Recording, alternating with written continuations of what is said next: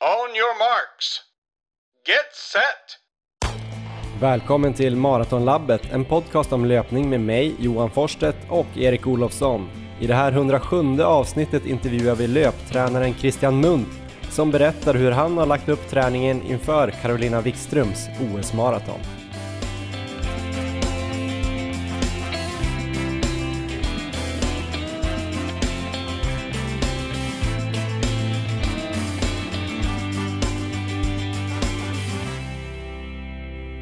Ja, då ska ni alltså vara varmt välkomna till avsnitt 107 av podcasten Maratonlabbet. Eh, idag kommer vi prata om en massa roliga saker, eller hur Erik?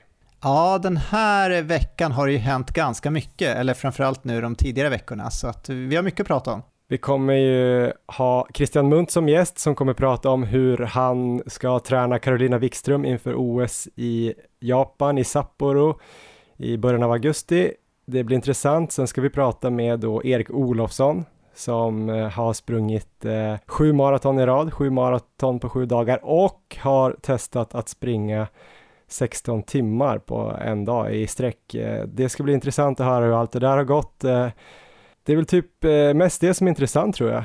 Eller vad säger du Erik? Ja, men det kommer nog komma lite annat också tror jag. Men eh, man kan ju lugnt säga att vi har levt upp till vårt namn, Maratonlabbet, den här veckan. Eh, ja. Det har, totalt har blivit åtta maraton har jag räknat ihop, om inte du har också kört ett maraton i smyger. alltså skulle jag ha kört ett maraton skulle jag verkligen eh, slå på stora trumman och skicka ut det i alla sociala kanaler. Alla skulle veta. Nej, jag har inte sprungit, jag har knappt sprungit ett maraton på hela den här veckan totalt tror jag. Just det, du bara jobbar på torpet nu.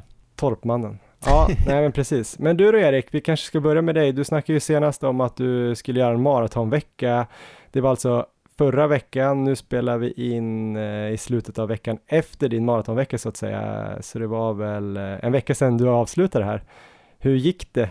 Jo, men det gick faktiskt bra till slut. Eh, målet med hela den här veckan var ju att få springa väldigt mycket kilometer någonstans i närheten av vad jag hoppas kunna hålla för fart på mitt 24 timmars lopp. Så att det var ju att försöka få en bra känsla och bli liksom effektiv och energisnål i de här farterna. Men det var också för att få den här utmaningen att eh, se om det ens var möjligt att springa så många marer i rad.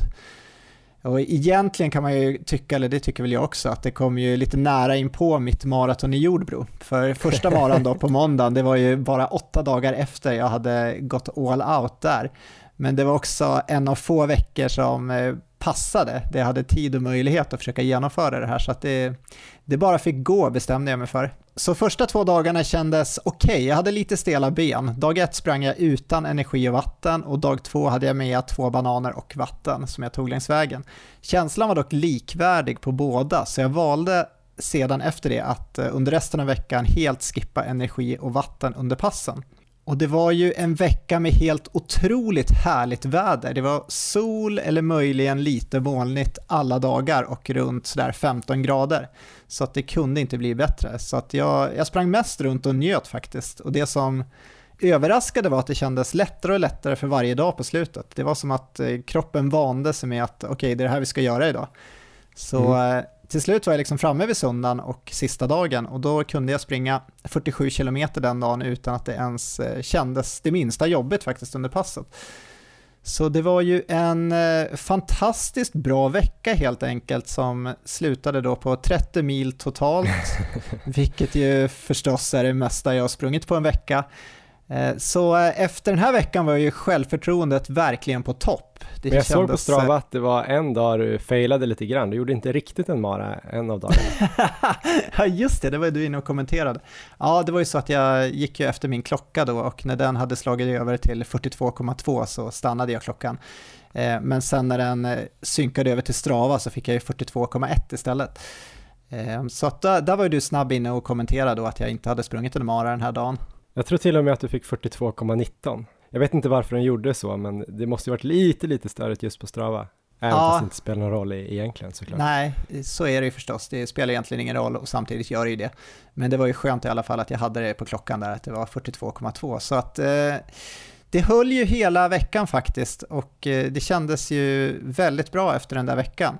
Kände mig inte så sliten heller, så att, eh, mm, väldigt positivt. Och då bestämde jag mig att... Eh, Men du, jag måste bara, ja. några frågor här du säger att det gick lätt och lättare och lättare, men var det någon dag eller någon gång under den här veckan som det överhuvudtaget kändes konstigt eller jobbigt? Eh, det var ändå 30 mil totalt en vecka.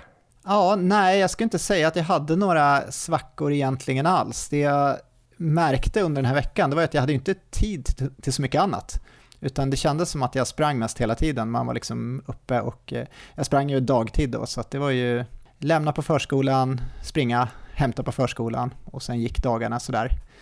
Det var, ja, sov väl ganska bra ändå på nätterna och sådär kände jag, så att eh, jag kan inte säga att det var något som gick dåligt. Jag var väldigt överraskad. Jag hade förväntat mig där på framåt helgen att det skulle bli tuffare, men jag tror kroppen har ändå någon slags, eh, ja, den ställer sig in på, på det man gör. Men mat och, och sådär då, mellan passen, var det svårt att liksom få i sig tillräckligt mycket för att orka hela veckan? Nej, det, jag har fått en del frågor om det, men det tycker jag inte. Jag äter ju väldigt mycket. Jag äter ju framförallt en jättestor frukost varje dag, så att där fick jag i mig och sen så, det är klart jag var törstig och så när jag kom hem, men jag drack ju mycket vatten då och eh, det vart ju en sen lunch där, eller tidig middag och så, så att jag, jag tyckte jag hade inga större problem där heller, utan jag åt som vanligt och det funkade bra. Jag tror att du gjorde typ alla de här passen helt själv, eller hade du sällskap eh, någon kilometer på den här veckan? Nej, jag tror jag gjorde alla passen själv faktiskt. och det var aldrig, det blev aldrig långtråkigt ens eller någonting, eller vad tänkte du på? Det här är ju inte för mig själv då, jag skulle ju lätt kunna köra sju i rad, 30 mil i veckan och tycka det var superkul också, men jag vet, våra, några av våra lyssnare kanske tycker det är konstigt. Men var det någon gång du kände så här, ah, varför gör jag det här, eller, eller att du inte hade något att tänka på, eller lyssnade på poddar, eller vad gjorde du? Nej, men det var ju, dels var det ju så fantastiskt väder, så jag var liksom ute i solen där på dagarna. Det är ju det är bara härligt och eh, jag uppskattade det väldigt mycket. Det är ju bara att ha möjligheten att ens göra det, att eh, kroppen håller, mm. att eh, benen bär. Det, jag hade väldigt eh, positivt mindset hela den här veckan, så att jag, jag sprang runt och verkligen uppskattade att jag ens kunde göra det. Och sen så såklart så lyssnade jag mycket på musik, lyssnade på poddar och ibland så sprang jag helt utan några lurar alls. Så att det var ju en bra mix av allt skulle jag säga. Härligt, en pangvecka. Ja, det var det en kanon, kanonvecka. Så att det, det, rekommenderar jag alla att uh, prova en maratonvecka. Uh, ja, man kanske får bygga upp volymen lite först, men uh, mm, kan vara ett mål någon, någonstans i framtiden i alla fall. Så som sagt så var ju självförtroendet på topp efter den här veckan, men tyvärr så skulle det inte hålla i sig så länge.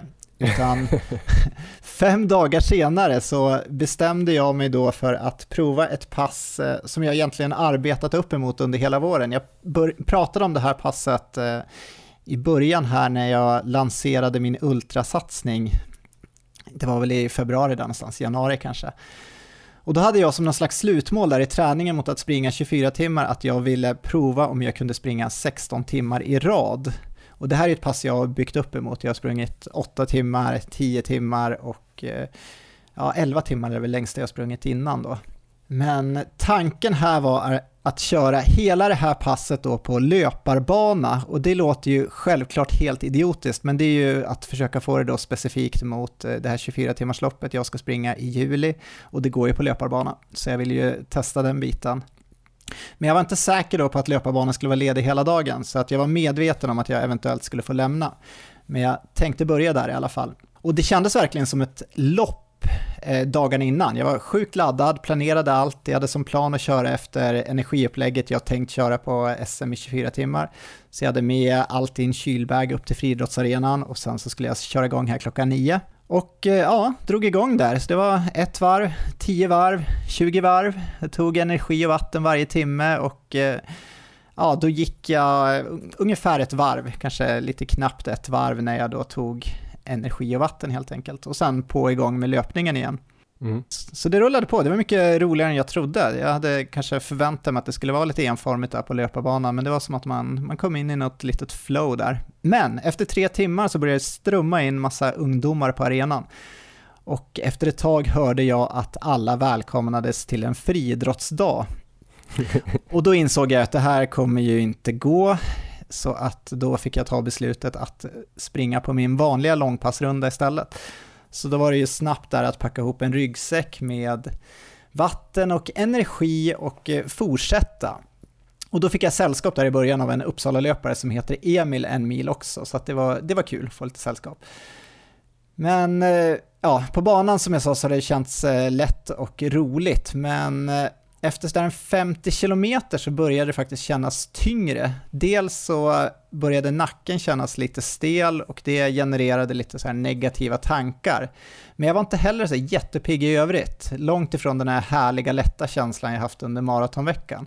Och då hade jag väl ungefär eh, två mil kvar hem, så det var ju inget det var inget att tänka på, det var ju bara att köra på, men under den perioden så var det mycket negativa tankar. Det var ja, börja fundera på att bryta och just den här insikten att eh, 10-11 timmar till, det är väldigt, väldigt lång tid när man börjar känna så här.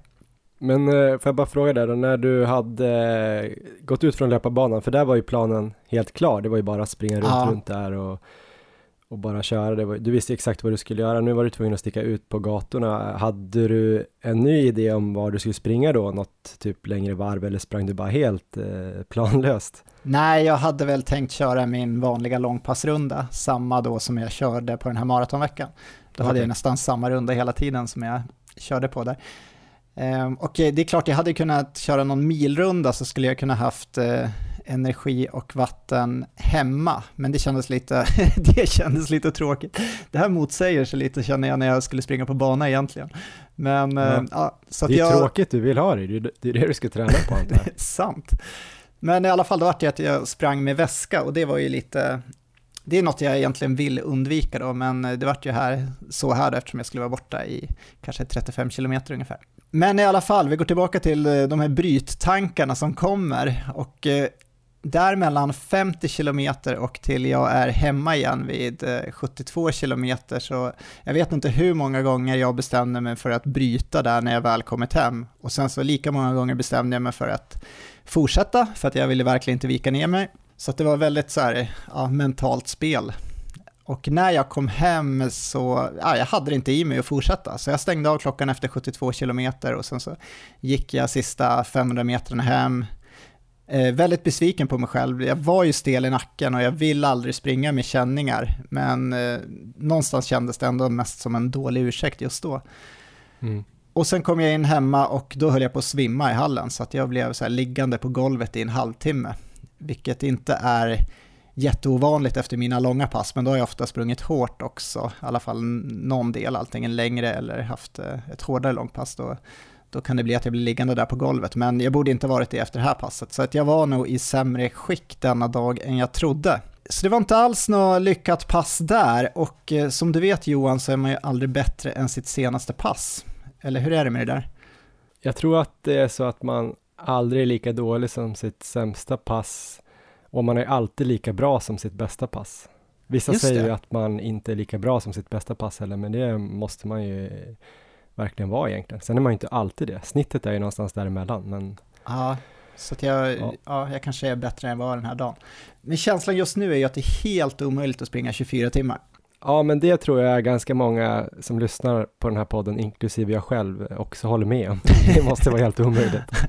ja, så att eh, jag vet inte. Det kanske kommer ett nytt försök sen på, får se om det blir 16 timmar, men jag måste, jag vill, jag vill få till ett riktigt långt pass i alla fall som är där jag får testa alla de här bitarna lite längre och bättre än vad jag lyckades med på det här passet. Så att det har ju hänt mycket här i alla fall under de här, eh, sen vi senast spelade in för mig. Men du tänker inte att det var ändå lite nära den här maratonveckan då? Jag tänker att jag ställer den här frågan och våra lyssnares vägnar, även om du kände dig fräsch och så. Det var ändå bara fyra vilodagar innan det här grejen efter 30 mils vecka. Det låter ja, lite det, hårt. det är, det är mycket möjligt. Det kan vara en av anledningarna. Jag kände mig väldigt eh, fräsch, benen kändes väldigt bra eh, och jag hade tagit det lugnt här de här fyra dagarna emellan, men det kan absolut ha kommit för nära in på. Eh, mm. Kanske lite dålig sömn under veckan kan ha spelat in också, eh, så det, det kan ha varit sådana faktorer. Men nog om mig tycker jag för veckans träning. Nu går vi över till dig Johan, hur har det gått? Jo, men jag har anmält mig till ett lopp tror jag. Jaha, vilket? Jag eh, ska antagligen springa 5000 meter i Huddinge på Källbrink på onsdag, nu på onsdag. Det är väl studenternas eh, öppna KM. Jag tror att du sprang i studenternas öppna KM på 5000 i fjol, fast på stadion. Kul, ja men det gjorde jag. Det stämmer. Var det kul tävling eller? Ja, det är, ja. jag vet inte om 5000 meter någonsin kan vara kul. Det är fruktansvärt jobbigt, men eh, det går ju hyfsat snabbt också. Det är översnabbt, så det är bra. Ja, nej men den här chansen dök upp ganska plötsligt så jag tänkte så här, jag testade anmäla mig ändå, jag var ledig den kvällen. Um, så jag anmälde mig och då ändrade jag om lite i min träning här sista veckan, så det är väl det, är väl det jag kanske ska prata om, jag vet inte. Jag körde då ett pass på stadion som var 6 gånger 800 Det finns ju ett sånt här formkollspass för 5000 som jag tror är ganska klassiskt. Jag tror att det är 5 gånger 1000 i då 5K-fart med två minuters vila emellan. Eh, jag tänkte så här att jag har inte testat eh, vad min 5000 meter fart är, så jag tänkte jag kör 6 gånger 800 Just det. Med ett varvs eh, ganska lätt joggvila, så joggvilan kanske var på två och en halv minut, fast då sprang jag alltså 400 meter, ingen ståvila. Så det körde jag på stadion för att kalibrera lite, gjorde väl alla de där 800 på typ 2.38 jag hade en där jag tappade koncentrationen och då blev det 2.40, men jag tror det var typ 3.18 snitt. Och 3.18 snitt, vad skulle det ge på 5000? Det är väl eh, 16.30. Just det. Eh, och eh, sen så körde jag faktiskt ett eh, pass igår kväll klockan halv nio en lördag. Eh, lite speciell tid, men vi är ute på torpet och du vet ju hur det är på torpet, Erik. Det är ingen rast och ingen ro. det ska, eh, läggas jag vet tak. inte, gödslas gräs, läggas tak, målas gästrummet. ja, vad gör man mer? Man plöjer åkrar, gräver jordkällare. Ja, you name it. Och tränar. Och så ska man ju träna då, men det blev att jag sköt upp det här passet, eh, eller sköt upp och sköt upp. Jag tänkte köra innan middagen, hann inte riktigt, så då blev det efter middagen. Eh, åkte bort till Heby som ligger här i närheten, Heby idrottsplats, Tegelvallen tror jag den hette. Jag har spelat fotboll där med Gamla Uppsala. Väldigt Aha. mycket irrelevant information nu, men jag åkte dit i alla fall. Står en epa-traktor där utanför eh, ingången till IP. Lite barn som spelar fotboll och lyssnar på uh, tuff musik. Aha. Känner mig lite så illa till mods. Jag är lite känslig för sånt där ja, när jag ska komma och springa någonstans. Det är lite som att du skulle ha fortsatt att springa på den där uh, friidrottens dag på arenan i Uppsala. Just det. Tycker det är lite jobbigt när du vet uh, 15-åringar är coola och står och skriker efter en. Att man är en gubbe och så. så jag målade upp det där att det skulle stå en massa epa-killar och skrika på mig och dricka folköl. Aha. Så det var nästan som att jag försökte lägga passet någon annanstans eller skjuta upp det. Men efter uppvärmning tre kilometer utanför den här arenan på en landsväg så tog jag faktiskt mod till mig och gick in på arenan. De stod och sköt lite bollar också, så jag tänkte att jag skulle få någon i huvudet och så. Men de var väldigt lugna de här killarna. Kom i och för sig typ tre epa-traktorer till och höll på att sladda runt på parkeringen. Då var jag lite snabbt, orolig. Men hur snabbt kör en epa-traktor? Kunde du inte är det 30 utmana dem? de får köra eller? Ja, det är nästan så att de kan utmana, du kan utmana dem. ja, nästan. Men de är väl upptrimmade säkert till 50 och sådär. Just det, jag gick sant. i alla fall in till slut och körde det här passet. Um, jävligt nöjd att jag bara kom in och gjorde det faktiskt. Eh, det var ju så sent också, det kändes konstigt. Men eh, mitt pass då var ju egentligen bara att jag körde 3 gånger 200 först upp i 3 blankt med 200 meter joggvila för att komma igång och sen så körde jag faktiskt 5000 meter rakt av själv. Det tycker right. jag är långt på en löparbana. Om man ska sätta perspektiv vad du ska göra. Nej, men det, det var ett bra genrep tror jag. Jag, eh, var ingen tanke att såklart maxa bara tre dagar, eh, tre, fyra dagar innan lopp på 5000, men jag ville ändå få en känsla av hur det kommer kännas lite grann på slutet. Så jag startade väl med 84 varv ungefär, så 3.30, jag tror jag låg 3.29 första två kilometerna. Det kändes ganska behagligt. Sen efter 2600 meter så tänkte jag att jag skulle börja öka lite grann, men eh, det var väl med betoning på lite grann för att eh, det fanns inte så himla mycket mer att ge om jag ändå skulle hålla det hyfsat kontrollerat. Så, men jag sprang väl in på 17.20, så ja. det blev 3.28 fart eh, var trött efteråt, men inte sådär att ligga och spy som det kommer vara på onsdag antagligen. Nej, det kommer jag Men jag tror att det, jag blev liksom inte helt avskräckt så att jag absolut inte vill åka ner. Men jag fick ändå en liten hint av vad som komma skall tror jag. Så att jag tror jag la det på en lagom nivå. Det var ju ungefär en halv minut långsammare än pers på 5000, så det var inte jättelångsamt. Det känns ju som ett perfekt genrep att få nu inför förhoppningsvis ett, ett millopp då som kommer kanske en vecka eller två efter. Mm, så oavsett hur det går på onsdag så tänker jag väl att det är en bra, en bra genomkörare för, som du säger, ett millopp. Eh, så det är väl typ eh, det mest intressanta jag har gjort eh, på den senaste tiden. Kul, men det är alltså tävlingsdebut för dig i år då? Ja, eftersom inte jag är yrkesverksam elit som dig och många andra så har inte jag fått springa några lopp, men de nya restriktionerna börjar väl gälla imorgon eller igår då när ni lyssnar på det här, första juni och då är det väl att man ska få vara 150 på motionslopp. Ja. Så utgå från att det här eh, loppet går av stapeln här på onsdag då. Och sen hoppas vi väl att det kommer lite fler lopp framöver. Och eh, ja, det kan jag ju ta redan nu. Det blev ju lite problematiskt för mig, för jag hade ju tänkt att springa långlöparnas kväll. Det har ju varit mitt mål i bakhuvudet hela våren här att jag har trott att det ska lätta upp de här restriktionerna och att långlöparna ska köras på stadion. Det var planerat till den 22 så jag tänkte det blir den 22 juni, det har jag haft i, i huvudet. Men eh, nu såg jag att det flyttat till 29 juni och då är inte jag i, i Stockholm. Så vi får väl se hur det blir med ett 10 000 meters lopp här för mig innan jag åker till Japan och jobbar. Så om någon vet om något 10 000 meters lopp eller 10k lopp här i juni, i slutet av juni eller kanske början av juli om det är nära Stockholm så, så kan ni höra av er. Annars får väl någon höra mig helt enkelt. Ja, men jag kan nog ställa upp och hara en bit tror jag. Så mm. det, är, det är bara att komma hit till Uppsala så kör vi.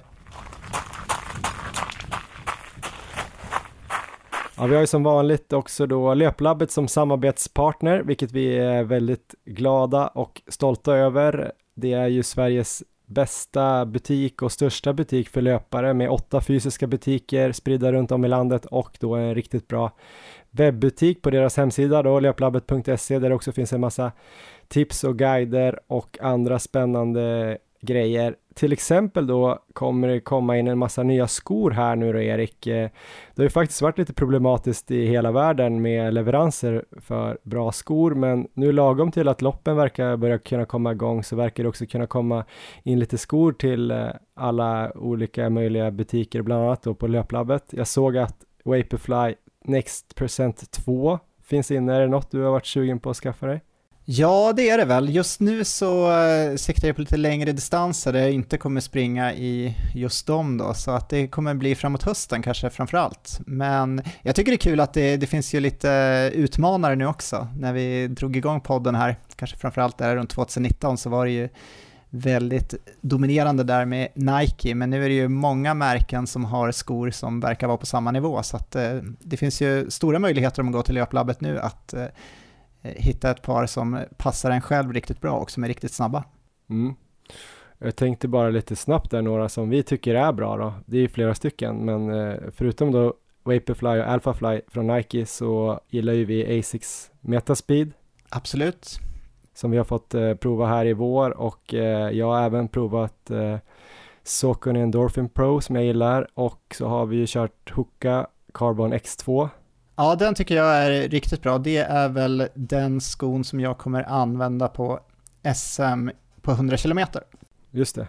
Och sen så tror jag också mycket på Adidas Adios Pro. Den verkar ju vara jättesvår att få tag på just nu dock, men jag hoppas att den kommer in snart för den skulle jag också vilja prova. Och sen är väl New Balance den här Fuel Cell RC Elite. Ja, ah, har den kommit? Också. Jag tror att den har kommit eh, och tagit slut, men eh, gå in och kolla på löplabbet.se om den finns. Jag har ju kört Fuelcell TC som jag gillat väldigt mycket, som är deras eh, träningsmodell, typ eh, kanske liknande då Endorphin Speed för Socony eller eh, den som du kör, Nike Tempo heter den va? Ja, precis.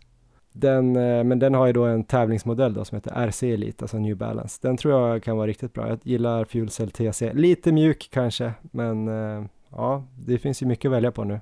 Vilka skor väljer du på 5K då, nästa vecka? Spännande. Det beror ju på om jag ska bryta mot reglerna eller inte bryta mot reglerna. Vad tycker du? Jag tycker du ska bryta mot reglerna. Jag tycker reglerna är dumma. Då tror jag att det lutar åt ett par Vaporfly Next Percent, ett par som jag inte har använt än, som jag skaffade i höstas, men det blev aldrig några lopp, för jag körde Alphafly. Men jag tror att de kommer vara snabba och bra. Men jag vet inte om det är de som kommer vara snabbast, men eh, det är de jag tror jag kommer känna mig snabbast i och det tror jag blir viktigt. Så länge du inte kör spikskor är jag nöjd. Det är mitt andra alternativ, men 5000 som första pass med spikskor kanske är dumt. Jag får börja med något 1500 meters lopp först kanske.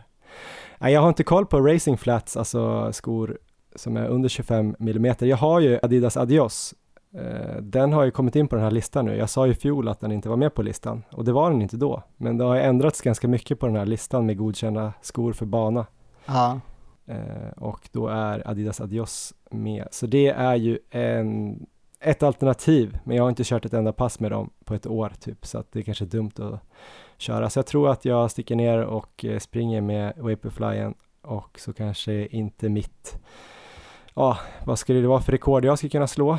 Mitt personliga rekord då, det tror jag gills, men jag lär knappast sätta något eh, klubbrekord eller distriktsrekord eller svenskt rekord, så att inget världsrekord heller tror jag. Återstår att se. Kanske världsrekord i högt laktat. Bra, tack Löplabbet. Ja men bra, nu har vi kommit fram till veckans intervju och veckans intervjuperson är ju Christian Munt. Han har varit med tidigare i den här podden Erik, bland annat eh, 2018 på sommaren där någon gång när vi pratade maraton med honom. Sen har han varit med tror jag om individualisering av träning. Och eh, han var även med i ett avsnitt om formtoppning, kommer jag ihåg. Just det. Christian Munt har ju en massa olika adepter på eh, väldigt många olika nivåer, men idag är han ju med i podden för att han tränar då Carolina Wikström som ju ska springa OS här i augusti i Sapporo i Japan. Och vi har ju följt Karo lite här under våren och idag tänkte vi faktiskt att Karo inte skulle få vara med själv, men hennes tränare skulle få vara med och prata lite om eh, träningen som han har tänkt att hon ska utföra här i sommar. Eh, så jag tycker bara vi kör egentligen. Här kommer Christian Munt. On your marks. Get set. Ja, men då välkomnar vi Christian Munt eh, till Maratonlabbet återigen. Hej Christian, hur är läget? Tjena, tack så mycket. Ja, men det är bra med mig. Du är ju en löptränare av rang. Hur går det med tränarkarriären? Eh, jo, men det går bra tycker jag. Eh, det, det rullar väl på i rätt riktning. Såklart roligt med, med, med OS som kommer, men eh, det ser bra ut på, på flera håll tycker jag.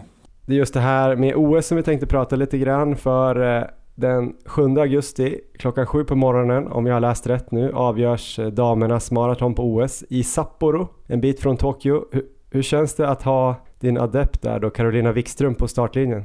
Nej men det är jäkligt häftigt. Det är svårt att kanske ta in det lite också förrän man är där. Men, men, eh, ja, men det, är en, det är en eh, häftig utmaning och, och, och ändå någonting som man själv som tränare också har strävat efter att få ta aktiva till, till de stora mästerskapen. Så ja, det blir coolt.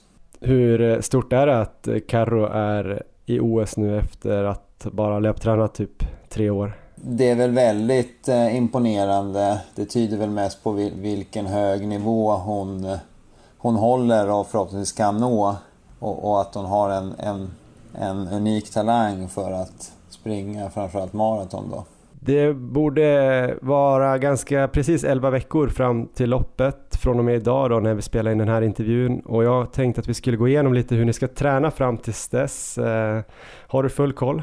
Ja, men det har jag. Jag har gjort ett antal planeringar. Eh, skriver ju oftast eh, på papper och, och, sitter och planerar och, och gör om det ett antal gånger och, och tittar på lite olika scenarier. Sen så får man ju ändå landa i liksom kommande vecka eller två veckor och, och ta dem först och se hur det går. Men, men jag har en plan på hur, typ vilka kvalitets eller nyckelpass jag vill ha in fram till, till maran.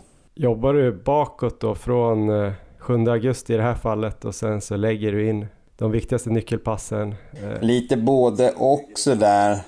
De sista två veckorna har jag några varianter på utifrån vad som har funkat tidigare och det i själva toppningen. För att inte liksom skapa lite trygghet där också. Och sen får man ju... Går väl egentligen både, både bakifrån och, och från här och nu. Och så, så ja. testar jag olika liksom Eh, det är det att jag vill ha ganska mycket vila mellan passen så då man får inte in allt för många om de ska vara högkvalitativa då. Eh, så att man får sitta och liksom pussla lite och se att man får in alla delar man, man behöver och att det är en bra progression mellan passen. Jag tänker vi ska gå in ännu noggrannare på träningen här för eh, OS. Eh, men innan tänkte jag bara prata lite grann om vad har ni gjort här under våren då för att eh, göra Carro förberedd till den här specifika perioden. Eh, hur ser liksom Carros nuläge ut? Och jag vet ju att ni har tränat både för en, en snabb tia och ett snabbt halvmaraton. Vad har tanken varit med det? Vi, vi hade ju lite mer tid nu eftersom vi sprang i Valencia i början av december. Och sen har vi utgått ifrån att nästa maratonlopp skulle vara OS. Eh, så då planerade vi att liksom bryta av i mitten av egentligen i april egentligen med, med en halvmara. Eh, så vi har väl jobbat lite med att försöka höja volymen så sakteliga upp mot runt 16 mil.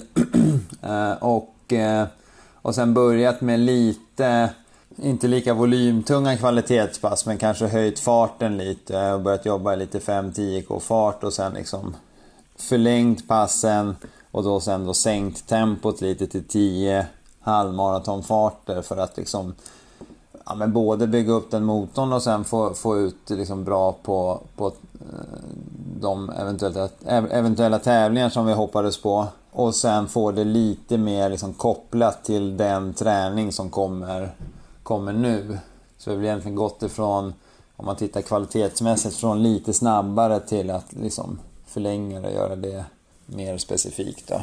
Har du något eh, exempel på något sånt pass som du alltså fortsätter att bygga på och förändrar, alltså från 5K fart, 10K fart ända upp till halvmaraton som du säger att du drar ner eller drar, gör långsammare farter och höjer volymen och sådär? Nej, alltså jag har väl inget pass sådär. Jag varierar, men man skulle kunna... Vi, vi började köra till exempel så tre set med två kilometer och, och sen en en kilometer med, med eh, två, tre minuter emellan. Och då gick det eh, i 10k fart respektive 5k fart. Det kan man ju ha en progression till exempel på att du kör fyra set sen som kanske går i, i tröskel halvmaratonfart och 10k fart och sen kanske 25 set. Eh, eller att det blir 7 gånger 2000 istället, i, lite mittemellan där. Mm. Så att eh, mer så har jag tänkt. Eh, så att det, i början av, av vintern av det här året så låg vi kanske snarare på någonstans 9, 10, 11 kilometer i kvalitet. Eh, sen blev det 12, 14 och sen kanske då om vi fick in några pass på 14, 14, 15, 16 kilometer där, där jag brukar landa. Eh, men vi har haft lite snällare kvalitet under våren än, än tidigare. Om vi börjar lite mer eh, översiktligt då, och generellt eh, för maratonträning. Vad brukar du vilja liksom fokusera på under den mer specifika träningsperioden? Ja men då får man väl förhoppningsvis ha gjort, om man har gjort jobbet innan och, och fått till lite mer och mer kvalitativa långpass och, och eh, börja föra in lite, lite specifika pass eller liksom semispecifika. så i början så brukar jag väl försöka få in något, ja men jag brukar variera, försöka få in så här, något som är lite mer extensivt. Alltså som kanske ligger på 30, någonstans 30 40 kilometer och runt 90 eller något sånt där av, av, av tävlingsfart. Och sen eh, något som är lite mer, ja men börjar snudda vid lite mer specifik maratonfart. Nu är det fortfarande ganska lång tid kvar för att köra liksom de allra tuffaste så har jag, kör jag liksom lite så här långa intervaller så kanske det går i maratonfart och snabbare men vilan är kanske bara joggvila några minuter. Eh, mot senare så håller jag det ganska nära maratonfart och har lite mer moderat vilofart, alltså ganska hög. Till sist försöker jag väl ha något som träffar liksom det aerob power, alltså motorn lite mer.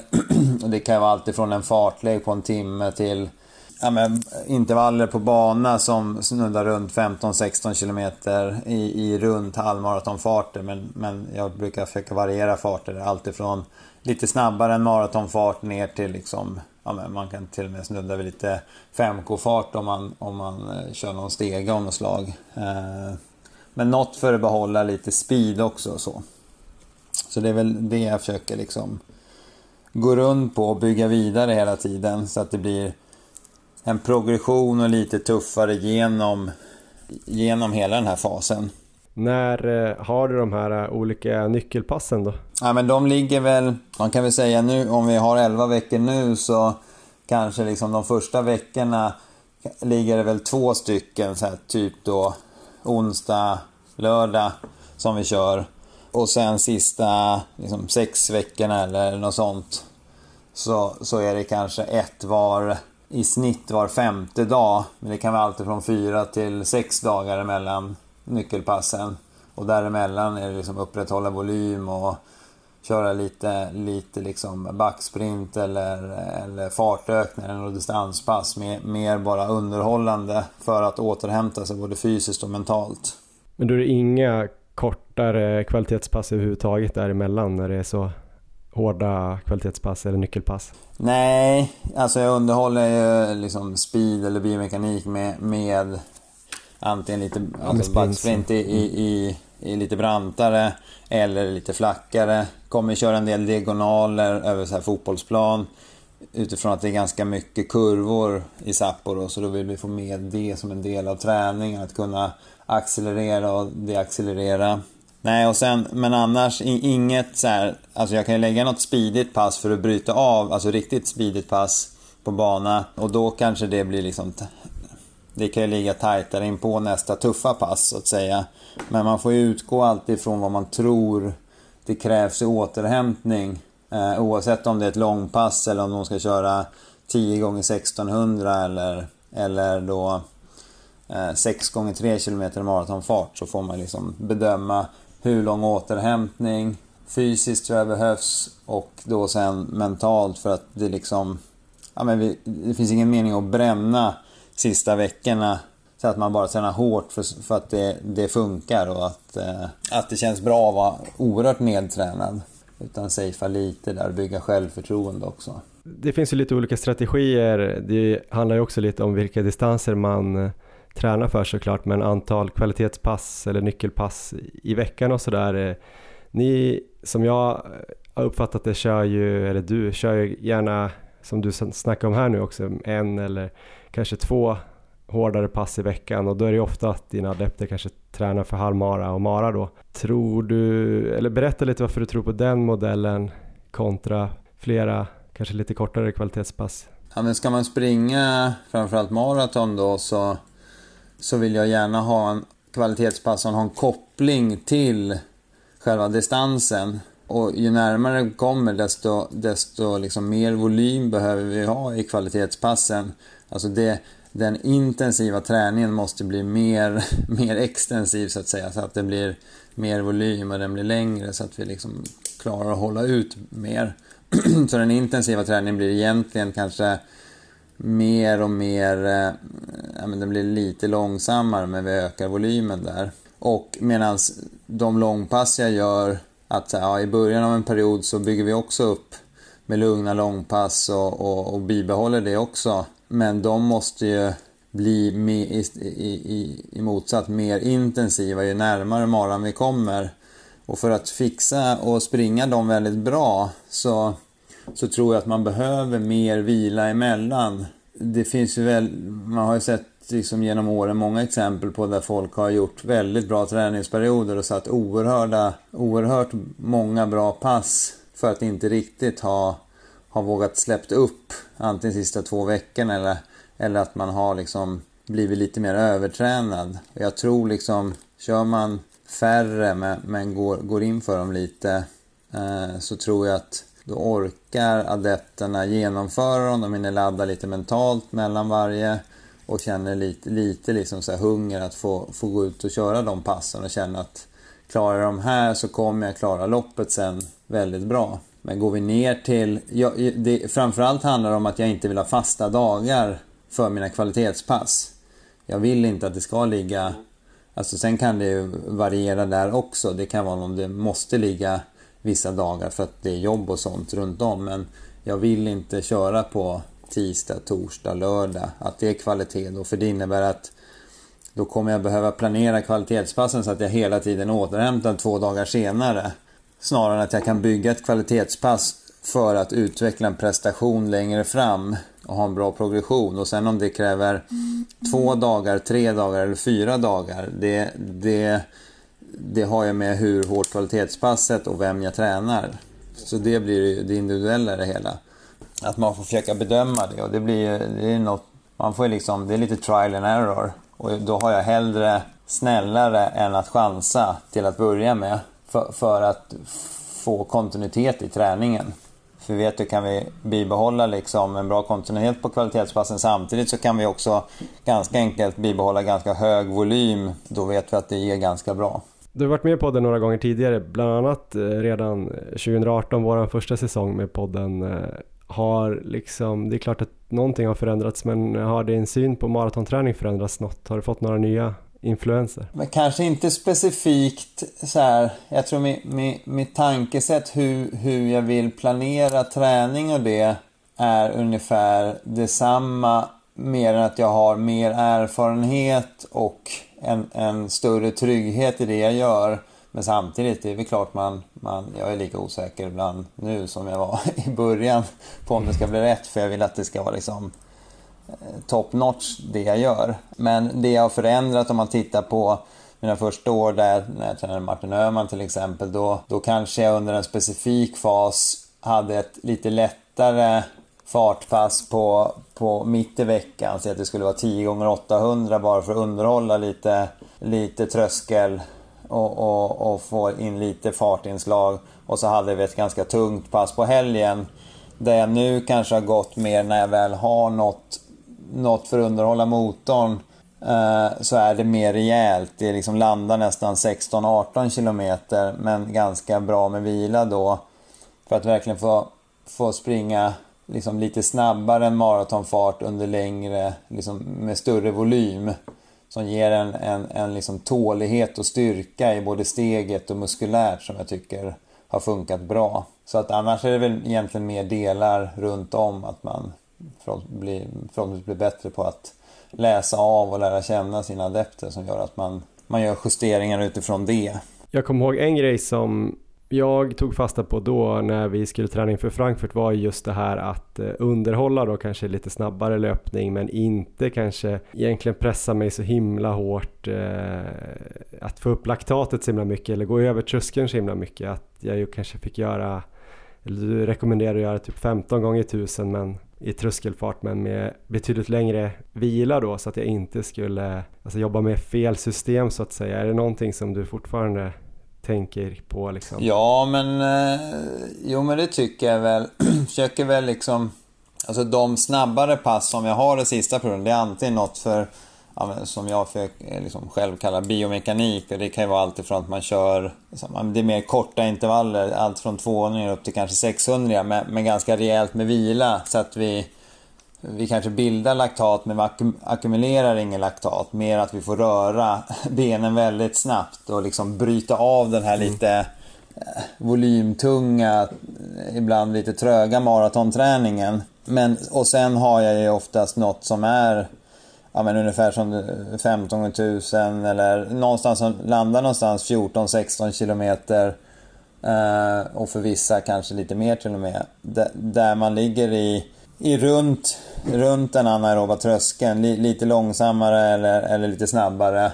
Eh, och har vila mm. utifrån att man vill hålla en viss fart. Vill man inte köra 15 000, 10 gånger 1600 så kan man ju ha någon, någon slags stege, alltså att du kör några 3000, några 2000, några tusingar och sen lite 500 och Då kanske man går ifrån ja, men något snabbare än maratonfart och sen så 500 touchar ju snarare 3-5k-fart. Och då springer du dem på slutet när du kanske har gjort en, en 15 kilometer i, i ganska tuffa farter. Det kräver ju också muskulär styrka och, och, och, vi får jobba med de snabba fibrerna får ju liksom jobba ordentligt för att orka hålla ut. Så att sådana pass tror jag att man kan lägga in något enstaka. Eller jag brukar ha något, något sånt de sista 6-8 veckorna. Om det inte är en fartlek då som jag tycker liksom funkar i princip lika bra för, för väldigt många.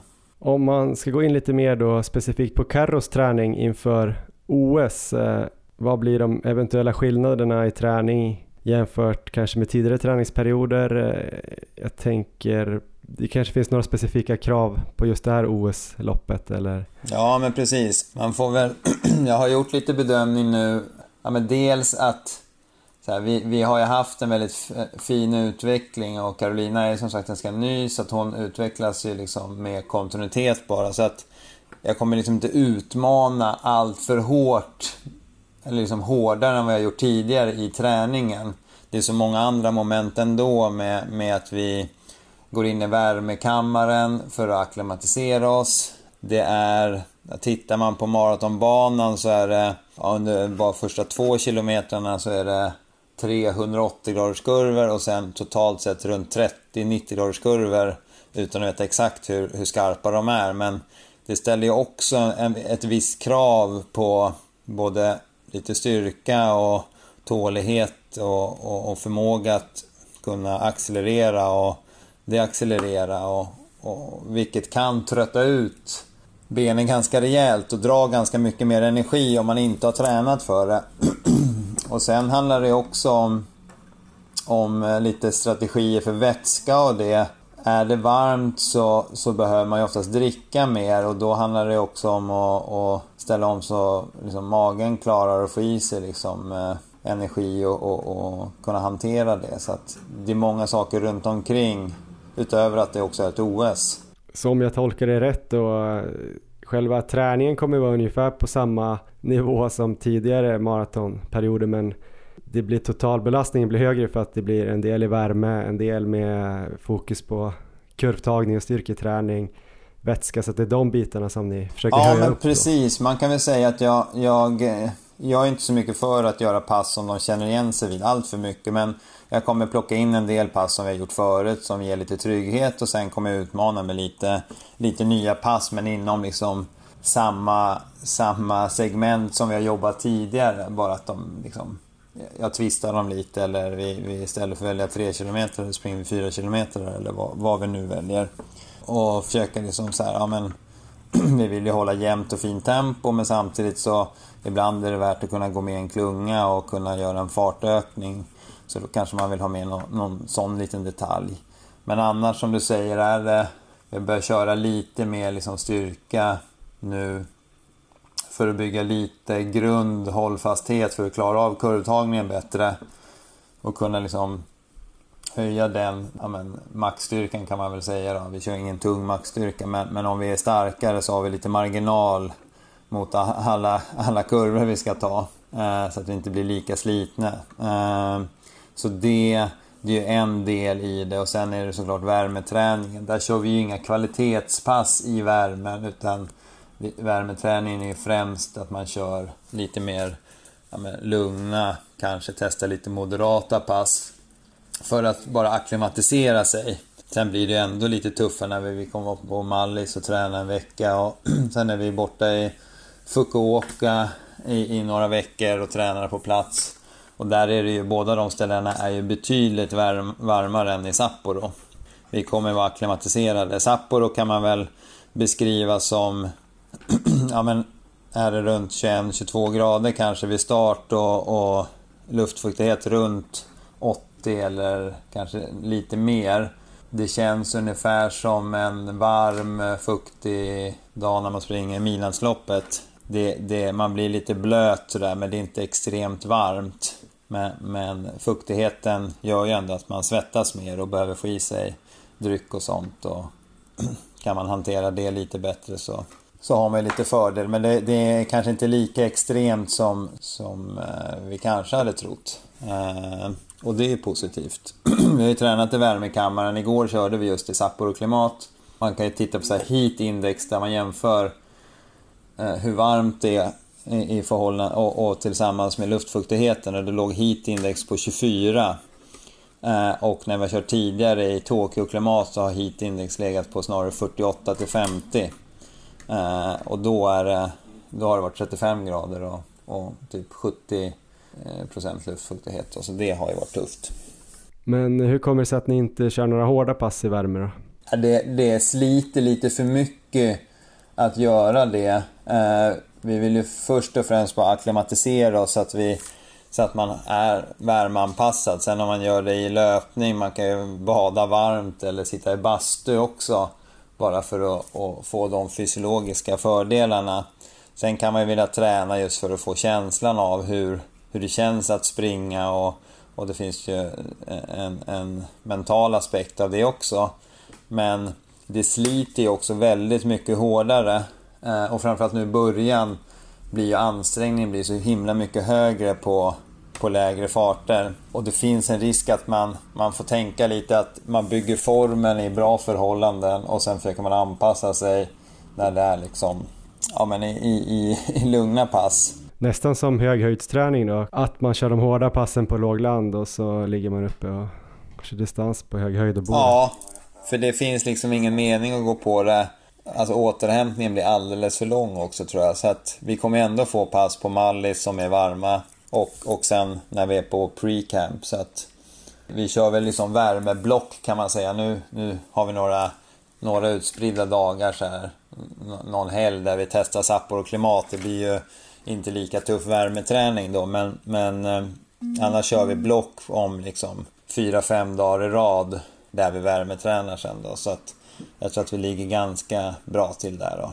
Och vi har ju bra hjälp att få data och mäta kroppstemperatur och så vidare. Du var inne på det lite grann där. Eh, men eh, kommer ni träna för att hon ska vara liksom kapabel för att hänga med i olika ryck och springa olika farter? Alltså mer att hon ska kunna tävla bra mer än att hitta eller få en bra tid då, som det ofta handlar om annars. Men då brukar det ju vara platta tempererade lopp med, med hare. Nu är det mer placeringar. Vi kommer göra en plan så att hon, hon kan göra sitt bästa lopp där. Eh, vad det innebär i tid har vi ju ingen aning om i dagsläget. Eh, det, det, får man bedöma närmare. Det är ju liksom underordnat också.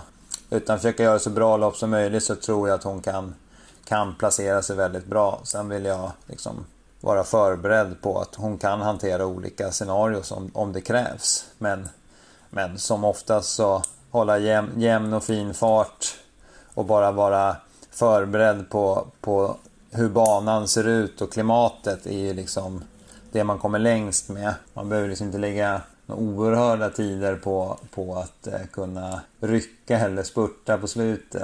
Eh, det är inte där man kommer plocka mest placeringar. Eh, utan det gäller bara en smart plan när man springer. Eh, det kommer säkert vara de som som går ut hårt och kanske väggar och så vidare. Men som sagt, vädret är ju betydligt mer eh, betydligt svalare än vad det skulle vara om det var i Tokyo. Då hade ju många väggat, eh, tror jag. Men eh, vi har gått igenom en del olika detaljer som blir annorlunda än kanske tidigare maratonperioder. Vad blir sig likt då? Kan du gå igenom några av de här nyckelpassen som du har planerat vissa tider? Det kan ju också vara något som man som vanlig motionär kan titta lite på tänker jag. Nej men vi kommer väl försöka, nu har vi några veckor som blir liksom en övergång mellan den här förberedande fasen och, och den specifika där, där det blir lite, en liten hybrid med att jobba, jobba vidare med motorn eller underhålla den och samtidigt som vi vill börja få in lite långa intervaller och lite tuffare långpass. Så det kan vara allt ifrån att vi kör 8-10 gånger 1600 meter i procent och 105 procent av, av maratonfart. Så det blir ju typ halvmaratonfart eller tröskelfart sådär. Sen börjar vi jobba in lite långpass som ligger någonstans 80, eh, 85 till 90, en bit över 90 procent av maratonfart. Så ganska tuffa sådär. Hur långa då ungefär? Tre, mellan 30 och 40 kilometer. Carolina har också väldigt lätt för de här långa passen och är, är oerhört duktig på dem. Så att det, det är väl kanske hennes, en av hennes främsta styrkor i, i träningen då. Mm. Nej men sen får man ju börja jobba in lite så här maratonintervaller. Som sagt, det skulle kunna vara alltifrån att vi kör 6, 5, 4, 3, 2, 1 kilometer som går ifrån typ eh, ja, 3.30 ner till en bit under 3.20 fast vi har tre minuter joggvila vilket gör att passet blir inte specifikt utifrån att det är lite för lugn joggvila utan det blir mer en så här specialperioden, alltså fasen som är emellan. Det är så pass bra volym så att det touchar vi maratonträning men, men vi, det finns en liksom viss mått av, av att vi bibehåller motorn och det med höga farter och att vilan är väldigt snäll. Det blir det som blir den stora skillnaden när vi går in i, i den specifika och kanske kör 7 gånger 3 km i, i maratonfart. Och då vill vi ha den där kilometern emellan rätt så hård. Som inför Valencia gjorde hon 7 gånger 3 Då låg hon väl någonstans 3 3.25 till 3, 3.28 och, och vilan låg väl någonstans runt 4 blankt eller någonting sånt. Så att man lär sig återhämta sig hög fart och, och att det blir liksom hela passet är liksom, ja det blir ju eh, 20, 26 kilometer är passet liksom. Så att man räknar in vilan där. Så att, eh, och sen blir det väl att vi bygger på så här. Någon kanske börjar nu med eh, 40 kilometer som går distanstempo eller lite snabbare för att börja liksom vänja sig. Och sen blir det 90 procent, sen kanske blir 93-94 procent. Sen brukar jag inte gå så mycket hårdare. Det är väl kanske bland de hårdaste passen man kan göra. Båda de här exemplen på pass då, både det här långa passet med kanske en jämn fart, rätt hög fart och så de här mer, eh, vad ska man kalla dem, maratonintervallerna har ju varit samma volym då. Sen skruvar du upp då antingen tempot eller att du ökar eh, hastigheten under den så kallade vilan. Är det så du tycker att man ska, ska göra även? Det beror såklart på var man kommer ifrån men eh, att liksom komma upp i volym först och sen eh, skruvar man åt svårighetsgraden senare, förstår du vad jag menar? Ja, ja men det kan man väl tänka sig att, att det, det, i många fall så är det bra att bygga volym före fart.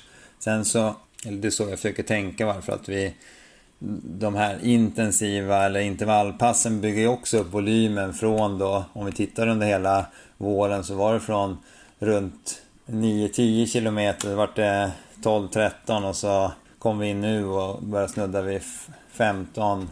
15-16 kilometer. Skulle man bygga vidare på det mot framförallt kanske sen någon, någon halvmara eller någonting, ja men då kanske man vill börja stanna kvar där men göra det mer och mer intensivt på något sätt. Och sen långpassen blir också att du först bygger du ju upp långpassen till den, den volym du vill ha om man skulle börja allra från början och därifrån så måste vi förändra stimulit på något sätt. Eh, fortsätter vi bara mm. springa lugna långpass så blir det ju liksom inte lika mycket träning och de flesta har gjort det ganska mycket och är man dessutom väldigt van så, så kommer det inte ge speciellt mycket träning. Sen kan man ju underhålla dem då och då med lugna pass fast man kör mycket annat tufft. Men sen måste du intensifiera dem lite också genom att springa snabbare med, med liksom jämn fart eller att det blir, blir en fart, hård fartökning på slutet eller att det är kanske progressivt genom hela passet. Då bygger man ju också ihop, då har man liksom tuffare långpass och sen kommer man från andra hållet med de här lite tuffare intervallerna. Då blir det också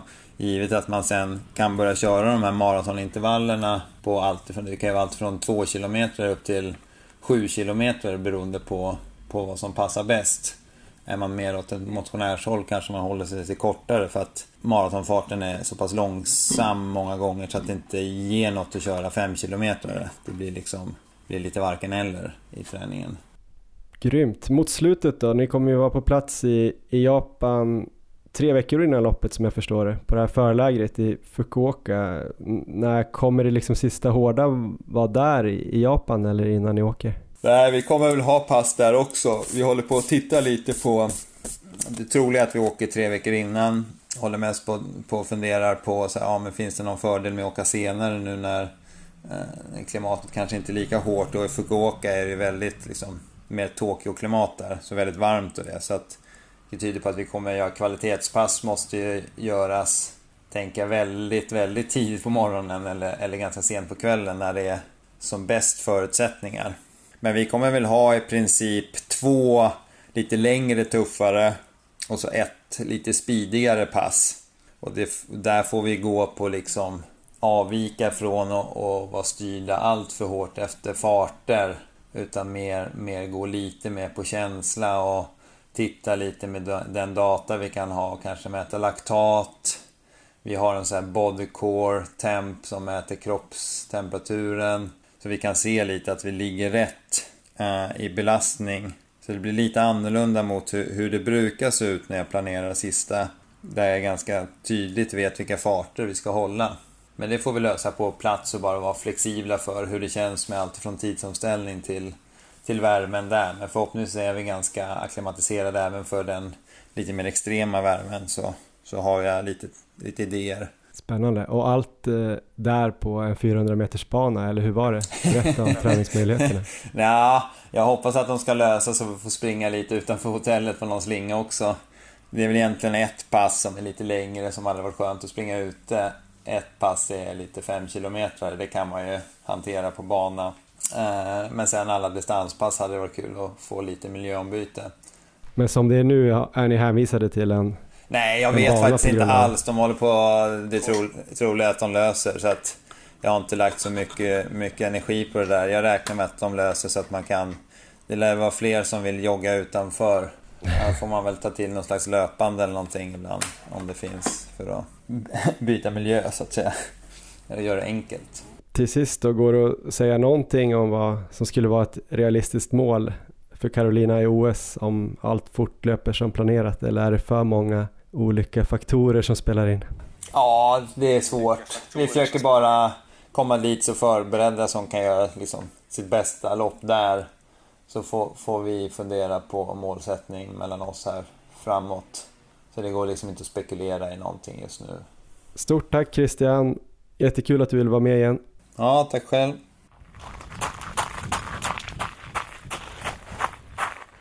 Ja, men det där var alltså Christian Munt om eh, hur Carolina Wikström ska bli så bra som möjligt eh, till OS och också då kanske lite generellt kring maratonträning, hans tankar.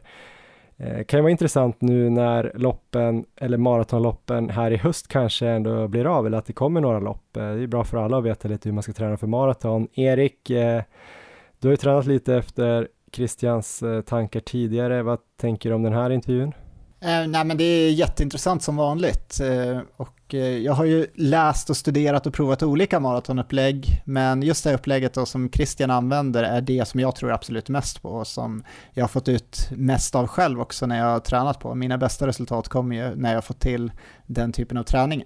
Men problemet är att det är så tufft att genomföra att jag tror att det krävs ett par år innan man är redo för den här typen av träning utan att helt slita ut sig själv eller dra på sig skador.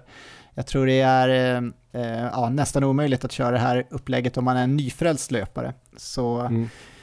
eh, för mig var det kanske först 2020 då som jag kunde få till den här träningen utan att det slet för mycket. Så 2018 och 2019 var det lite svårare. Så det krävs nog en viss, eh, viss tålighet med kontinuitet, men när man väl är där och eh, kan få till det så eh, tror jag absolut att det är bästa vägen att gå. Och då tänker du framförallt på de här långa, hårda långpassen, eh, ganska nära maratonfart och så även maratonintervaller då? Så här. Ja, precis. Just i den här specifika perioden när det kommer mycket, ja, hög volym av kvalitet helt enkelt. Att eh, det, det där det krävs en tålighet. Men eh, jag skulle vilja citera Renato Canova här, eh, för att jag vet ju att Christians träning bygger en hel del på hans tankar. Och han har sagt att the recovery is not depending of the plan, the plan is depending of the recovery. Och det hörde vi också här om i intervjun här med Christian. Just det här att låta känslan styra efter ett hårt kvalitetspass. Kanske är man återhämtad efter tre dagar, men ibland kanske det tar fem dagar innan man kan leverera på nästa kvalitetspass. Så att då ge sig själv den tiden och inte liksom stressa fram nästa pass bara för att man till exempel har tänkt att köra det på en fredag. Och det är ju dels då viktigt för att hålla uppe kvaliteten i träningen, att man kan genomföra det man vill göra, men även för att inte riskera några onödiga skador. Eh, för att eh, ja, det, är ju, det är ju risk för det helt enkelt om man kör väldigt hårda, hårda pass utan att vara redo för det. Det här tror jag är väldigt viktigt och lättare sagt än gjort också för många ambitiösa motionärer som oss själva, eller du har ett ganska fritt schema, men det är inte alla som kan liksom lägga sina pass på olika dagar, utan man kanske har en dag eller en träningsgrupp som man kör typ lördagar eller onsdag, lördag eller någonting och alla andra ska köra då. Det krävs ju ändå ganska mycket självinsikt för att liksom skippa det och så här, nej men jag hänger inte med på de här långa intervallerna på onsdag, ja. utan jag kör något eget kanske på torsdag om jag är fräsch då.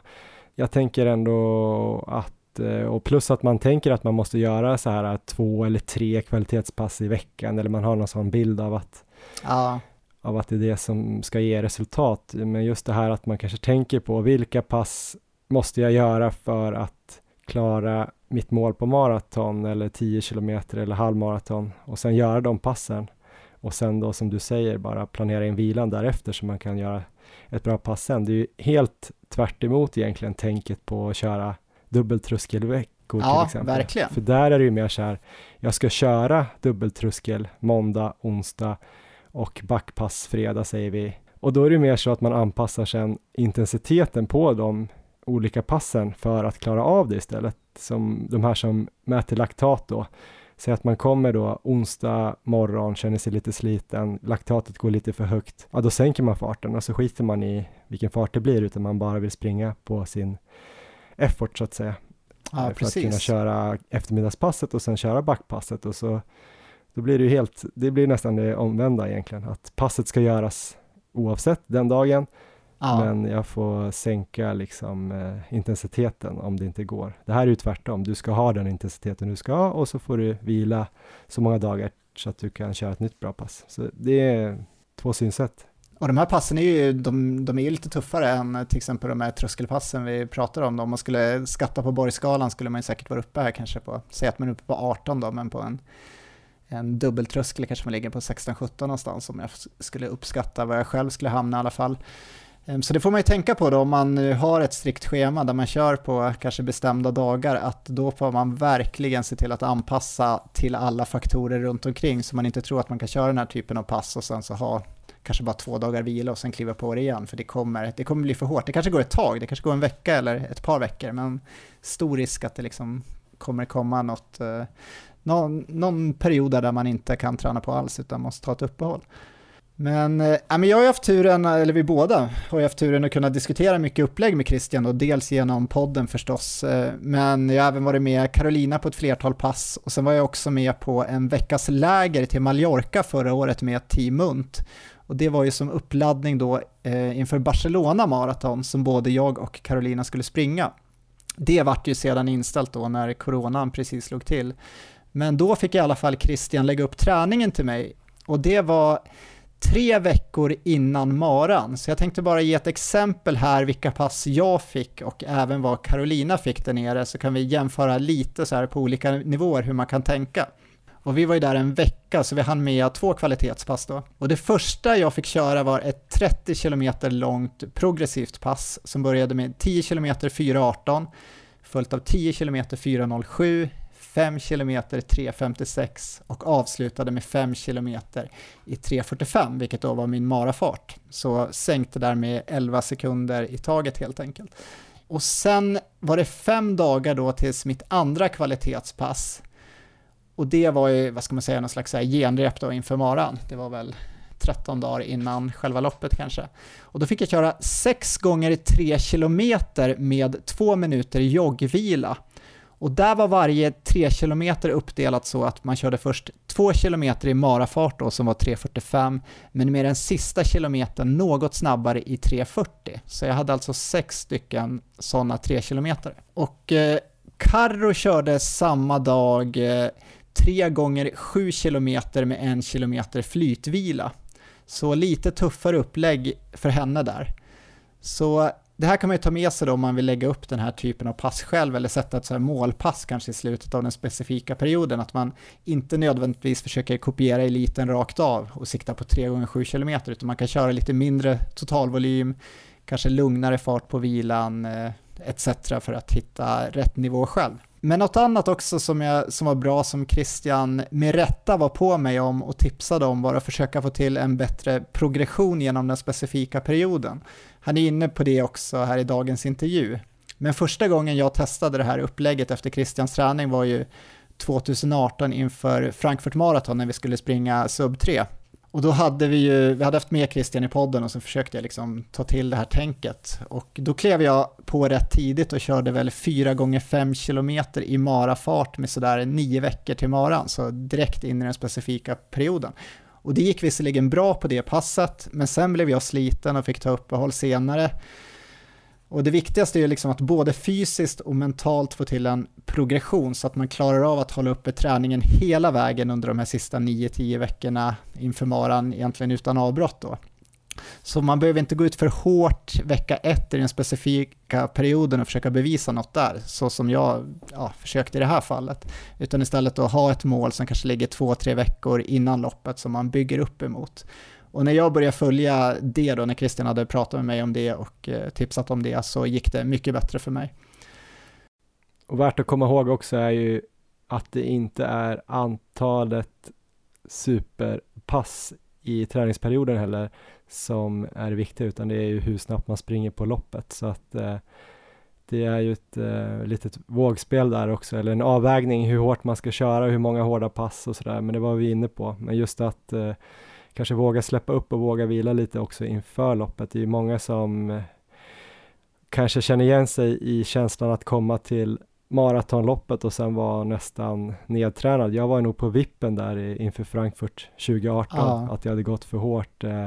Så ja, det, man får känna efter, kanske inte vara tvungen att sätta varenda pass fram till eh, loppet, utan vara lite smart. Men jag tycker det ser väldigt, eller det låter väldigt lovande ut inför OS i alla fall, så det ska bli spännande att se hur det går där.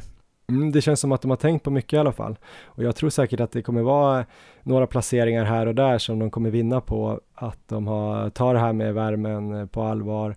De tar kanske allt det här med kosten på allvar. Det känns som de tar eh, träningen på allvar. Alltså all, alla bitar.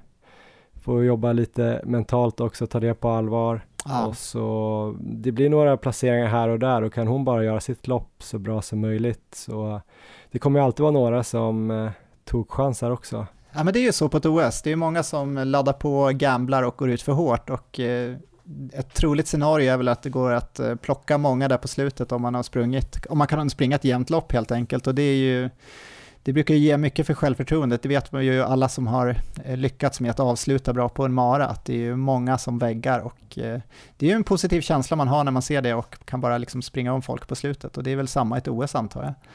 Mm, och Carro har väl typ aldrig väggat på en mara så att eh, hon borde ha fina bilder att plocka fram i visualiseringsträningen fram ja, till verkligen. Sapporo i alla fall.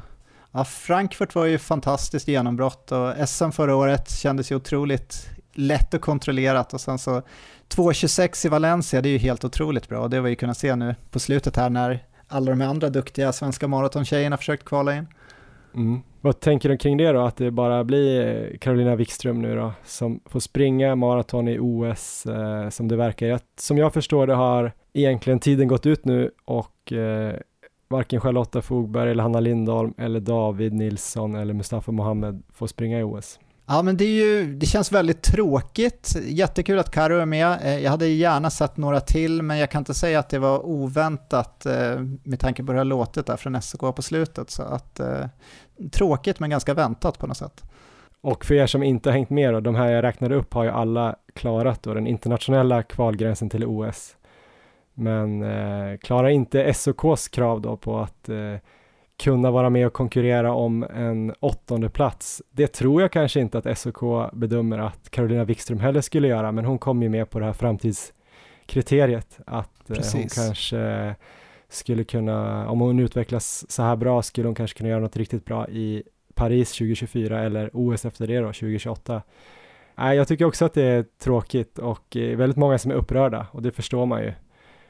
Ehm, jag har ett litet tips här, jag har rekat lite kring det här, vad det är som gäller egentligen Erik. Ja, Ska vi spännande. dra lite om det? För att jag har läst så himla mycket och folk hatar ju på SOK och på sätt och vis förstår jag verkligen det för att man tycker att folk som har klarat eh, gränserna ska få åka till OS och framförallt när det handlar om så himla sköna, roliga och trevliga profilstarka löpare som de här som jag räknar upp. Alla har ju varit med i podden på något sätt så jag undrar dem ju verkligen springa och många av dem, eller alla fyra, har ju börjat blivit kanske lite till åren eller vad man ska säga. Så det är väl tveksamt om alla håller på till Paris 2024. Ja, precis. Men eh, det är väl det här eh, SOKs grundkriterie att man ska kunna slåss om en topp 8-placering och jag vet inte vad du säger men det går ju vrida och vända på det där men de resultaten de har gjort så kanske man inte, man måste ju kanske vara lite enögd för att tänka att de skulle komma topp 8, eller vad säger du? Jag vill inte sticka ut hakan här, för jag vill ju såklart att de ska springa. Ja, nej, en topp 8-placering är ju jättetufft på ett OS, även om såklart eh, de bästa nationerna inte får med så många löpare, så, så ja, det vore ju en enorm prestation att ta sig in där.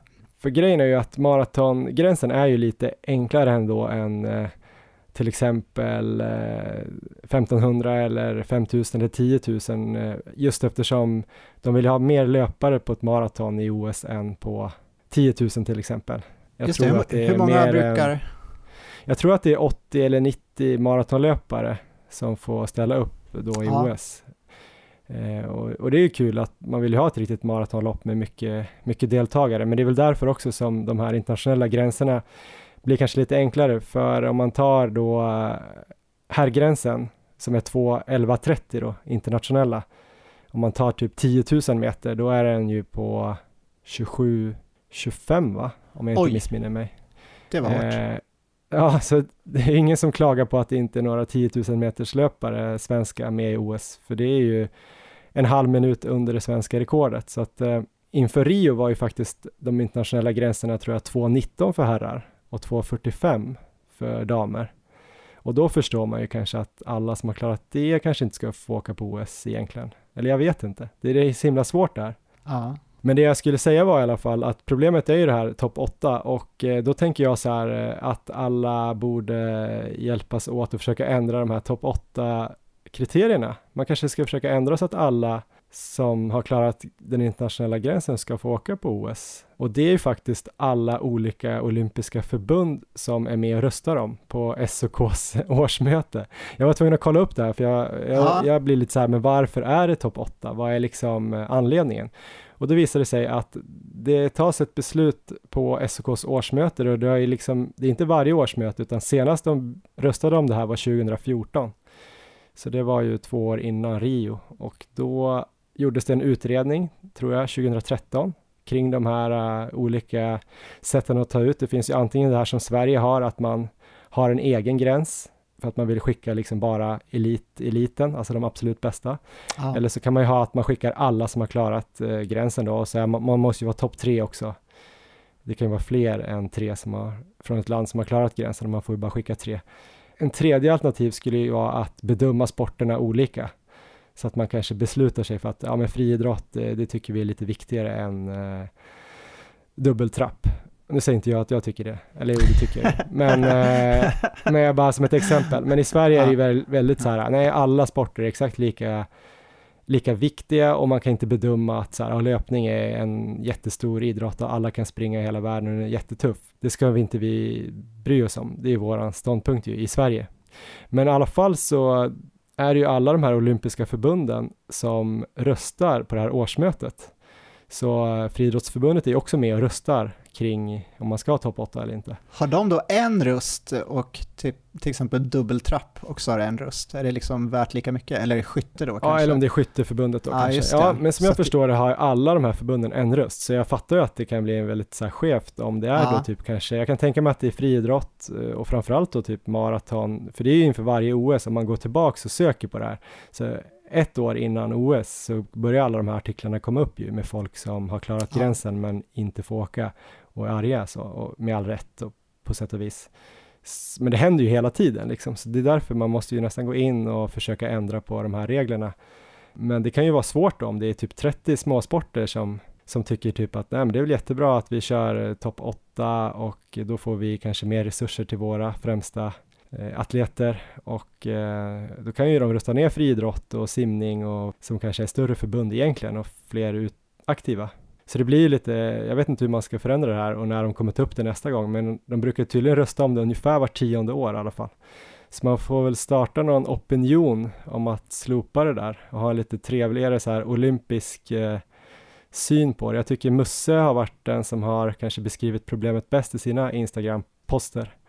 Just det här att man, att SOK ska jobba efter den olympiska idén om att ja. eh, alla ska delta och att det ska vara så härligt och inbjudande och jämlikt typ så här. Och eh, sen kan jag också tycka att han har rätt i att det var lite hårt att ändra de här tiderna som SOK hade från, vad var det, 2.11 och 2.28 till 2.08 och 2.25, ganska ja, lite, sent. Lite sent, ja precis. Men det här topp 8-kravet, det är, är det ju alltså till då för att Sverige ska ta så många medaljer som möjligt i OS? Är det liksom det som bara är viktigt och sen så ja, jämställer man alla idrotter och hur många deltagare som nu håller på. Jag menar maraton är ju förstås en jättestor sport där det finns deltagare över hela världen och så finns det små smala sporter. Men det handlar bara om att ta medaljer och är det därför att topp 8-kravet finns eller finns det någon annan anledning till att det här har tagits fram? Jag har faktiskt pratat med sportchefen för, som tar ut liksom friidrott, Thomas Engdahl.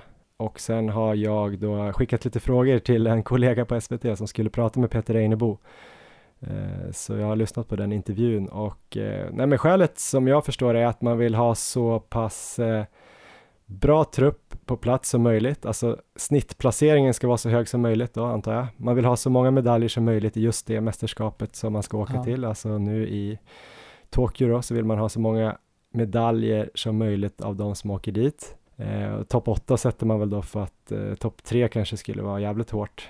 Men eh, det, de tänker väl att eh, någon som har kapacitet att komma topp 8 kanske kan slinka in på ett brons. De tänker väl att de resurserna de kan ge till aktiva på plats, det blir ju mer resurser per individ om truppen är mindre så att säga. Så det är väl det som är helt tanken och sen vet inte jag om de då tänker på nästa OS liksom eller om 20 år för att det har väl vi snackat lite om och det vet jag att många av de här löparna eller maratonlöparna också snackat om att om inte då maratonlöparna får springa i OS så finns det inga förebilder kanske för ungdomar som sitter hemma och kollar och, och de här specifika idrottarna skulle ju säkert kunna få bättre sponsorkontrakt och så vidare och kunna satsa ja. ännu hårdare och kanske kunna bli ännu bättre så men det tänker ju inte SOK på då när de tar ut, eller det är ju de här som, jag vet, men grejen är att SOK själva, alltså typ Peter Einebo, jag kanske inte alltid tycker att han är så himla bra på att svara på frågorna, men de menar ju på att de gör ju bara det som står i deras stadgar och det är ju att ta ut dem som har möjlighet att komma topp 8. Och sen ja. kan man ju dividera om eh, huruvida de här resultaten på maratonlöparna är typ topp 8 nivå eller inte. Jag vet, många säger ju att SOK inte kan något om löpning, men jag, jag vet inte, Thomas Engdahl han som, som har varit, eh, han har ju varit förbundskapten fem år tror jag, för friidrott, så han borde kunna någonting om löpning. Men, eh, och jag försvarar inte SOK alltså, men det är just det här, jag tror att vi måste få till att förändra synen på hur många som ska få åka helt enkelt. Ja, nej men jag tycker ju problemet ligger ju kanske inte i det att de inte kan någonting utan det är ju, jag tycker det är helt felaktiga stadgar de har att gå efter med det här topp 8-kravet. Eh, jag tycker det är fel att jämställa alla sporter på det här sättet och eh, just att ha det här specifika medaljtänket att allt handlar bara om att ta så mycket medaljer som möjligt och eh, Eh, att på något sätt eh, plisa de här ja, tv-tittarna som sitter och följer kanske OS bara då vart fjärde år och vill bara ha massa framgångar och medaljer då. Det finns massa andra värden och eh, om vi då tar till exempel maraton här då som vi ändå pratar mycket om att det finns ett helt annat värde att liksom få eh, ungdomar och eh, ett öppet intresse för den här sporten som ändå, det är ur ett rent folkhälsoperspektiv också, så, eh, och med tanke på hur många som håller på att få fram förebilder och sådär, så att det, det känns ju jättekonstigt att eh, att det liksom ska finnas det här topp 8-kravet i en sån sport som är så stenhård över hela världen. Mm. Jag funderar på den ultimata lösningen. Den oh, borde ju vara spännande. att eh, SOK får köra vidare med det här topp 8, det, för det kommer säkert röstas igenom av alla förbunden då nästa gång de röstar om det också, för det verkar ju ändå vara som att det är ganska över alla sporter då verkar det ju vara eh, den generella synen att det är bra kriterier, även då om inte maraton grenen maraton i friidrottsförbundet tycker jag att det är skitkul regler såklart. Men det borde vara så här att de kanske får skicka de topp 8 och satsa sina pengar på de topp 8. Men om man har klarat eh, en kvalgräns så borde man kunna få åka dit som en eh, freebasare.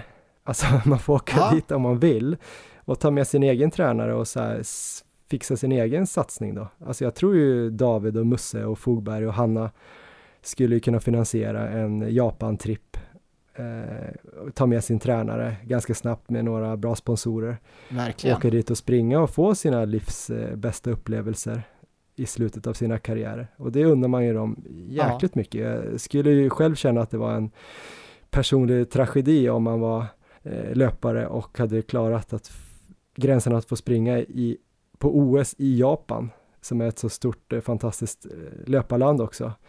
Och så får man inte åka bara för att det finns någon konstig regel, regel i sitt land då. Och så vet man ju då att andra löpare i andra länder som kanske till och med är sämre får åka dit ja. och springa för att det landet har en annan uttagningsregel. Det skulle ju kännas förjävligt helt rent ut sagt så att uh, då tänker jag att de borde kunna få åka ändå tycker jag och så får man väl uh, få SOK räkna bort dem då. Ja, det låter väl som en suverän idé. Då, ja, jag tror inte så svårt alls att bekosta det själv med sponsorer för de här löparna, eller vilken idrott det nu handlar om. Det kan ju vara andra idrotter också. Det kan ju vara kanotslalom också, liksom. att de bara får en plats fast de egentligen har tre som har kvalat. Ska vi lobba för det här inför Paris då? För vi hinner väl inte inför eh, Tokyo antar jag? Nej, det blir Paris 2024. Ja, grymt. Bra idé Johan.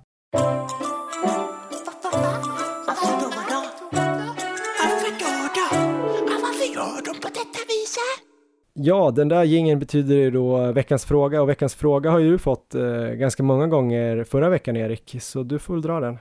Ja, men det har jag, säkerligen 10-15 gånger kanske. Med all rätt har jag fått den här frågan. Den lyder, varför valde du att springa utan vatten under maratonveckan? Så den ska jag försöka svara på här. Och det är två anledningar. Och till att börja med så har jag haft lite problem då som jag pratade om, min stel nacke. Och jag inbillar mig att det kanske blir värre när jag springer med väst eller ryggsäck. Jag borde kanske prova sånt här vätskebälte, men det har jag inte gjort ännu. Och jag hade ju också kunnat springa då en kortare loop och ställt ut vatten hemma, men eh, det valde jag att inte göra. Så det var lite därför, då med tanke på nacken, eh, men det var också en annan anledning och det var att jag helt enkelt ville jävlas lite med mig själv och få slita lite extra mentalt i slutet av de här passen. För jag vet ju att det kommer bli ett mentalt krig under mina lopp i juli, så det kändes ganska bra att ta så här alla chanser som dyker upp för att simulera de känslorna på olika sätt. Så det var av de två anledningarna. Och med det sagt så skulle jag inte rekommendera någon att springa utan vatten. Och speciellt inte om man känner att det går ut över kvaliteten på passet och det man vill göra. För då är det ju rent negativt. Eh, för mig kändes det inte så denna vecka. Det var inte så att jag behövde sänka farten under passen på slutet.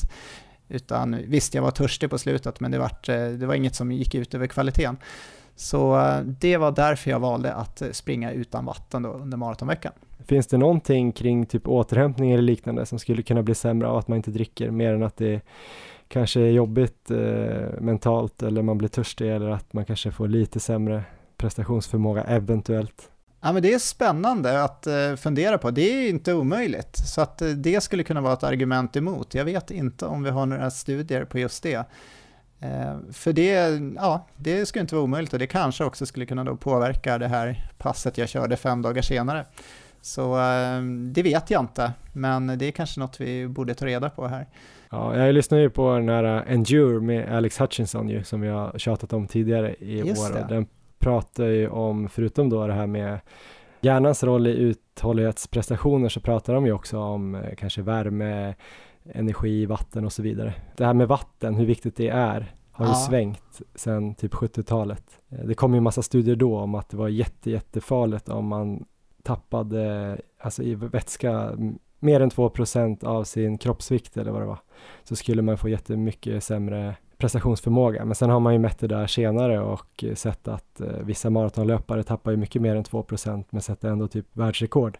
Ja. Så det går ju inte att säga så här rakt av att det blir sämre prestation, för man blir också lite lättare kanske när man springer om man svettas ut en del vätska och så vidare och så vidare. Och sen har det väl landat i lite det här med att man ska dricka efter törst typ, eller eventuellt lite, lite mer än törst om det är jättevarmt och sådär. Så äh, det är lurigt. Men äh, finns det någon gräns ju för vad du kan göra?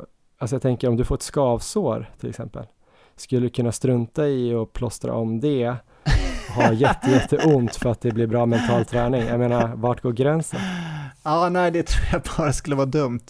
Eh, då skulle jag förvärra och kanske inte kunna springa på kommande passen, tänker jag. Så att eh, något sånt skulle jag inte välja att göra. Jag springer aldrig med smärta. Skulle jag ha någon form av muskulär smärta eller liknande så slutar jag springa helt enkelt. Och det, det har jag alltid med mig i min träning. Så eh, på det sättet jävlas jag absolut inte med mig själv, men eh, i det här fallet så kändes det som en rimlig grej att göra. Eller lite som Carro gör nu då, Carolina Wikström som springer vissa pass eh, i långa tights och, och, jacka nu fast det är typ 20 grader ute och mössa och så. Det skulle du kunna göra, det måste ju också vara mentalt väldigt jobbigt. Ja, men med tanke på att loppen går här då, eh, 100 km i början av juli och 24 timmars loppet i slutet av juli så är det väl troligt att det kommer kunna vara väldigt varmt där, så det är kanske något jag borde börja med också. Bra idé Johan, ska jag fundera på. Sen ska jag också betona här att jag drack ju förstås eh, stora mängder vatten när jag kom hem. Det var inte så att jag törstade då. Kanske till och med någon eh, persbärs? Ja, kanske. Där på söndagen i alla fall. På tal om eh, persbärs då Erik, kommer det några tävlingar för dig eller är det bara jag som kommer slå pers närmsta veckorna? Det, det är du som får dricka persbärs nästa vecka. Min eh, första tävling här är ju SM 100 km och den är i början av juli i ett fruktansvärt hårt startfält har jag sett här, så det, det kommer bli ett spännande lopp. Vilka är dina topp tre utmanare då till medaljerna? Jag är helt borta i någon medaljstrid där, men eh, jag har sett här att vi har ju Jonas Bud, han är väl världsmästare tidigare tror jag på distansen.